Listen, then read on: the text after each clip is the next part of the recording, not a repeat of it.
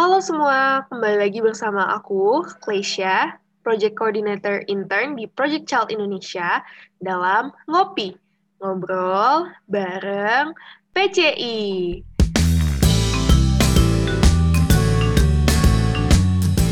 Nah, di episode kali ini aku akan ditemani oleh seseorang yang gak kalah keren nih dari episode kemarin, yaitu Kak Tandri. Halo Kak Tandri, gimana kabarnya Kak? Halo Kak Kresya, baik-baik dan puji Tuhan sehat juga. Makasih banget udah dikasih uh, kesempatan dan juga kehormatan buat ikutan ngopi. Kalau Kak Kresya gimana nih kabarnya Kak? Baik, aku puji Tuhan baik juga lagi sibuk kuliah dan sibuk mengerjakan project di Project Child ini. Nah, Kak Tantri ini juga Project Coordinator intern ya, Kak, di Project Child Indonesia. Dan sudah berjalan selama berapa lama nih, Kak? Kalau sebagai project coordinator intern itu baru sekitar satu bulan sih kak. Tapi sebenarnya hmm. uh, akhir tahun lalu tahun 2020 aku tuh juga sempat berpartisipasi di PCI sebagai volunteer. Oh I see. Oke berarti sebelumnya juga udah pernah jadi volunteer ya kak di PCI. Oke. Betul. Kalau akhir-akhir ini Kak Tandri lagi sibuk apa aja nih? Sama seperti Kak Resya tentunya lagi sibuk sama programnya PCI mm-hmm. dan lagi persiapan untuk ujian minggu depan juga sih Kak. Oh wow, good luck Kak ujiannya. Amin, amin, doakan Kak. Oke, ngomong-ngomong Kak, kita nih udah gak kerasa ya, udah sampai di penghujung bulan Maret nih uh, udah hampir lewat lah ya musim-musim hujan lebat tiap hari gitu. Iya kak, bener banget di Jogja juga frekuensi hujannya udah mulai menurun. Kalau Kak Lesya di Jakarta gimana nih kak? Uh, di Jakarta udah panas banget sih kak, udah panas banget tiap hari ya, lumayan terik gitu. Nah, jadi nih kak di bulan Maret ini kita memperingati suatu hari yang penting nih. Kira-kira Kak Tandri tahu nggak nih? Iya nih bener banget. Uh, jadi bulan Maret itu juga spesial nih, khususnya buat intern intern uh, project koordinator yang in charge di uh, salah satu programnya PCI gitu, karena bulan ini adalah Hari Air, betul nggak Kak? Betul banget. Di tanggal 22 Maret nanti kita akan memperingati World Water Day alias Hari Air Sedunia. Nah, Sementara tema campaign dari United Nations sendiri tahun ini tuh adalah hashtag water to me untuk meningkatkan awareness kita akan arti air bagi kehidupan dan pentingnya air dalam kehidupan kita nih Kak. Nah kalau buat Kak Tantri sendiri arti air tuh apa sih Kak? Uh, menurutku ya air itu tuh sebuah uh, atau uh, air itu merupakan komponen yang sangat esensial dalam kehidupan manusia. Perannya banyak banget ya uh, kita bisa ambil contoh misalkan tubuh manusia ini itu tuh sebagian besar itu terdiri dari air. Terus juga air juga kepake nih buat uh, pengairan sawah yang jadi sumber makanan kita juga. Terus kalau atau yang simpel-simpel buat kehidupan sehari-hari buat uh, mencuci, buat bahan makan, buat kita minum, buat kita bersih-bersih dan lain-lain. Nah, dari sekian banyak nih peran air yang sangat esensial tadi, itu salah satu isu yang paling sering diangkat itu adalah wash. Jadi ah, uh, wash okay. ya, jadi wash ini adalah singkatan dari water, sanitation, and hygiene. WASH ini merupakan salah satu target dari pembangunan berkelanjutan atau Sustainable Development Goal jadi uh, water sanitation and hygiene tadi, jadi itu kan dalam bahasa Indonesia-nya air bersih, sanitasi, dan hygiene. Jadi uh, mereka bertiga ini sebenarnya suatu kesatuan yang tidak bisa dipisahkan karena mereka saling mempengaruhi satu sama lain kayak gitu kak. Oh, Jadi kita mulai dari kita uh, kalau kita mulai dari sanitasi, jadi sanitasi itu sebenarnya prinsipnya adalah pengelolaan limbah khususnya tuh tinja atau feses manusia supaya uh, setelah dikeluarkan dari tubuh manusia itu uh, bisa dibuang uh, gitu ya kak istilahnya mm -hmm. di tempat yang benar yang sesuai supaya uh, tidak mengkontaminasi air yang akan kita pakai sehari-hari buat makan, buat minum, buat mandi kayak gitu. Contoh konkretnya nih fasilitas sanitasi itu ada jamban buat uh, buang air besar atau buang air kecil.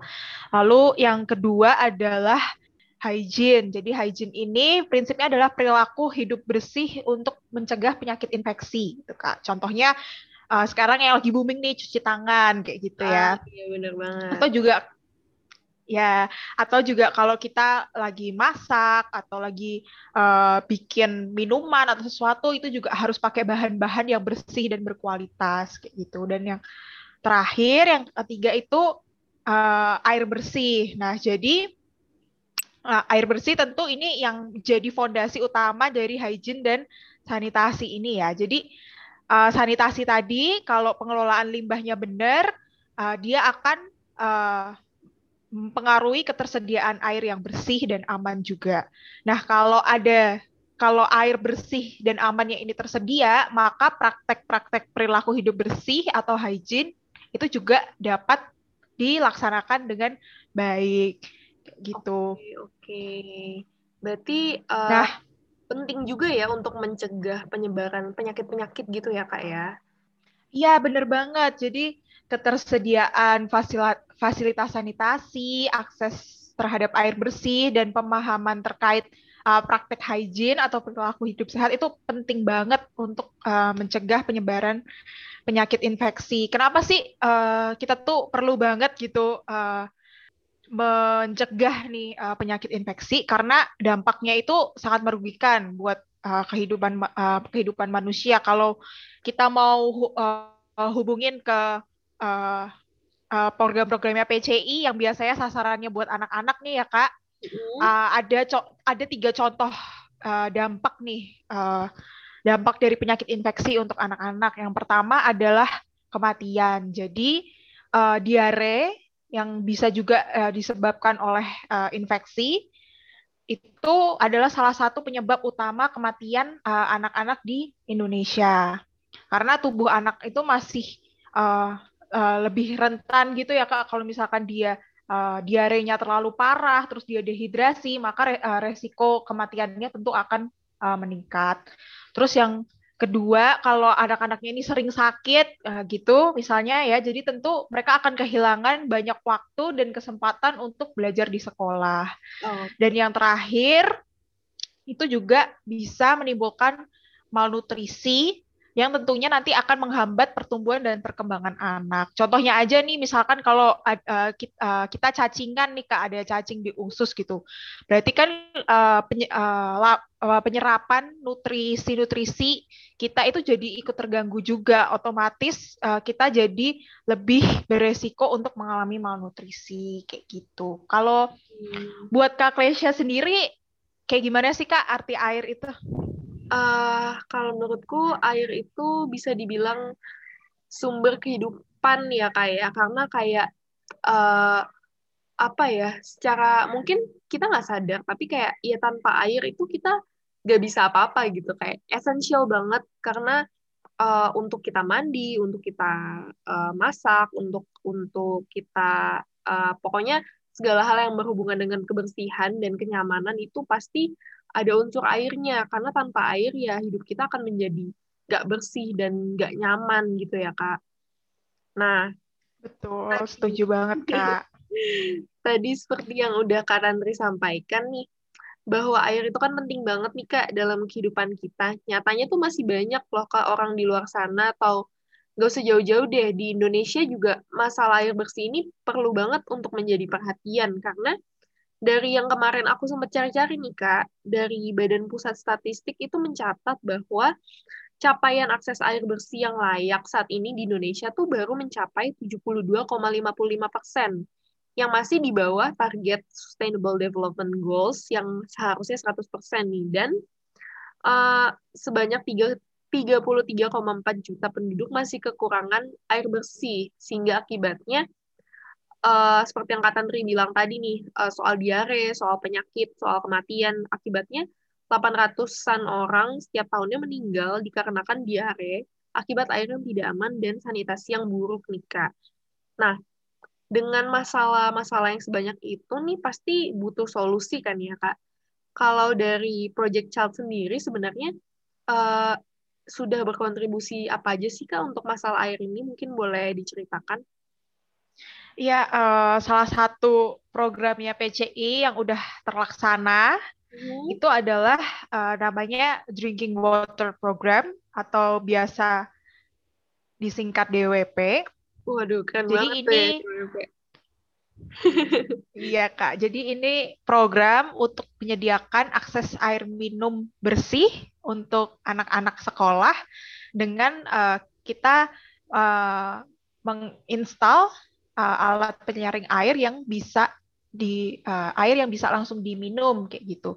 Tujuannya yang pertama tentu untuk uh, menyediakan akses air minum yang bersih untuk anak-anak dan yang kedua itu juga mengurangi sampah plastik sekali pakai. Kalau kita, kalau mungkin di sekolah uh, seringnya kalau mau cari uh, air minum mesti beli yang air dalam botol kemasan sekali pakai kayak gitu ya kak. Nah, iya dan juga karena kita juga sering mungkin uh, teman-teman juga sering lihat gitu sendiri gitu ya kalau anak-anak sekolah itu uh, sekarang banyak yang lebih milih buat uh, jajan gitu kan minum-minuman yang manis, yang warna-warnanya menarik-menarik kayak gitu ya kak. Iya, Jadi diharapkan dengan adanya instalasi alat ini tuh itu tuh semakin mempermudah akses ke untuk air uh, minum yang bersih sehingga anak-anak itu juga lebih prefer untuk meminum air uh, air mineral kayak gitu kak. Oke oke, berarti uh, ini programnya sudah dilakukan di banyak tempat ya kak ya? Betul kak, jadi total udah ada 63 sekolah di berbagai daerah, ada di Jogja, di Fakfak, di Pacitan, dan di Banten. Oke, okay. I see, I see. Wah, keren banget ya program dari PCI ini yang kayak uh, tujuannya tuh untuk apa agar anak-anak juga lebih sering lagi minum air, lebih memilih untuk minum air bersih ketimbang jajan yang aneh-aneh dan yang tidak sehat ya. Nah, kalau pas pandemi kayak gini nih Kak, uh, yang berkaitan dengan air yang berkaitan dengan air, apa sih Kak kira-kira yang penting? Iya, jadi uh, pandemi COVID-19 ini sebenarnya semakin memperjelas banget nih Kak uh, pentingnya wash tadi buat uh, water sanitation and hygiene karena seperti yang kita semua udah tahu gitu ya jadi uh, penyebaran uh, SARS-CoV-2 ya penyebab uh, COVID-19 ini itu melalui droplet. Jadi oh, penting banget uh, buat kita untuk uh, menjaga hygiene supaya uh, pen, uh, penularannya bisa dicegah. Salah satunya salah satu bagian dari 3M juga itu adalah hygiene ya Kak kan uh, mencuci tangan. Nah, itu. Oke, mencuci tangan iya penting banget ya karena salah satu uh, pencegahan COVID sendiri ya pasti dengan cara mencuci tangan. Nah, Uh, aku penasaran nih Kak, mungkin kalau dari PCI selama COVID ini ya yang berkaitan dengan hygiene banget nih, kayak apa sih mungkin sudah berkontribusi apa gitu kak mungkin ada program-program terbaru dari PCI untuk hal ini kak? Iya kak uh, benar banget. Jadi sekarang uh, PCI ini sedang uh, mengerjakan sebuah program baru uh, yaitu Hygiene and Sanitation Program. Jadi uh, jadi tujuan dari program ini itu Uh, yang pertama adalah untuk menyediakan akses air bersih melalui instalasi wastafel untuk cuci tangan kayak gitu kak. Jadi uh, di sekolah-sekolah gitu ya kak yang mungkin uh, wastafelnya belum ada atau mungkin ada tapi uh, kurang layak seperti itu.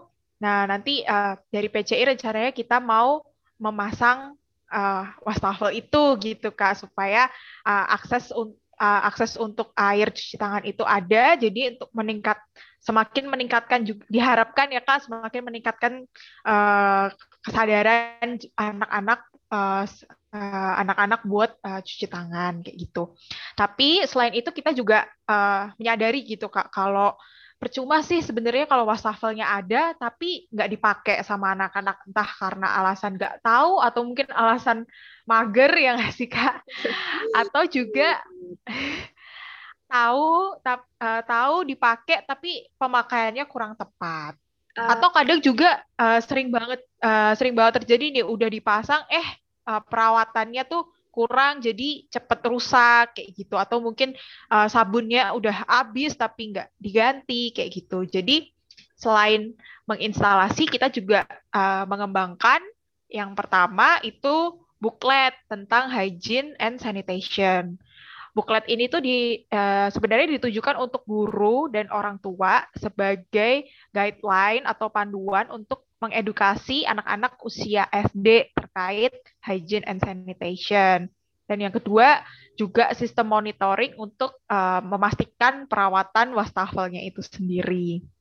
Oke, jadi Kayak gitu, biar, Kak. biar iya bener banget sih Kak, perlu banget ya biar uh, kalau sekedar dipasang abis itu dibiarin aja itu kan kayak uh, takutnya nanti pemakaiannya gimana. Maka penting banget juga untuk kita mengedukasi ya melalui buklet tadi dan uh, sistem monitoring tadi juga penting banget sih ya kak.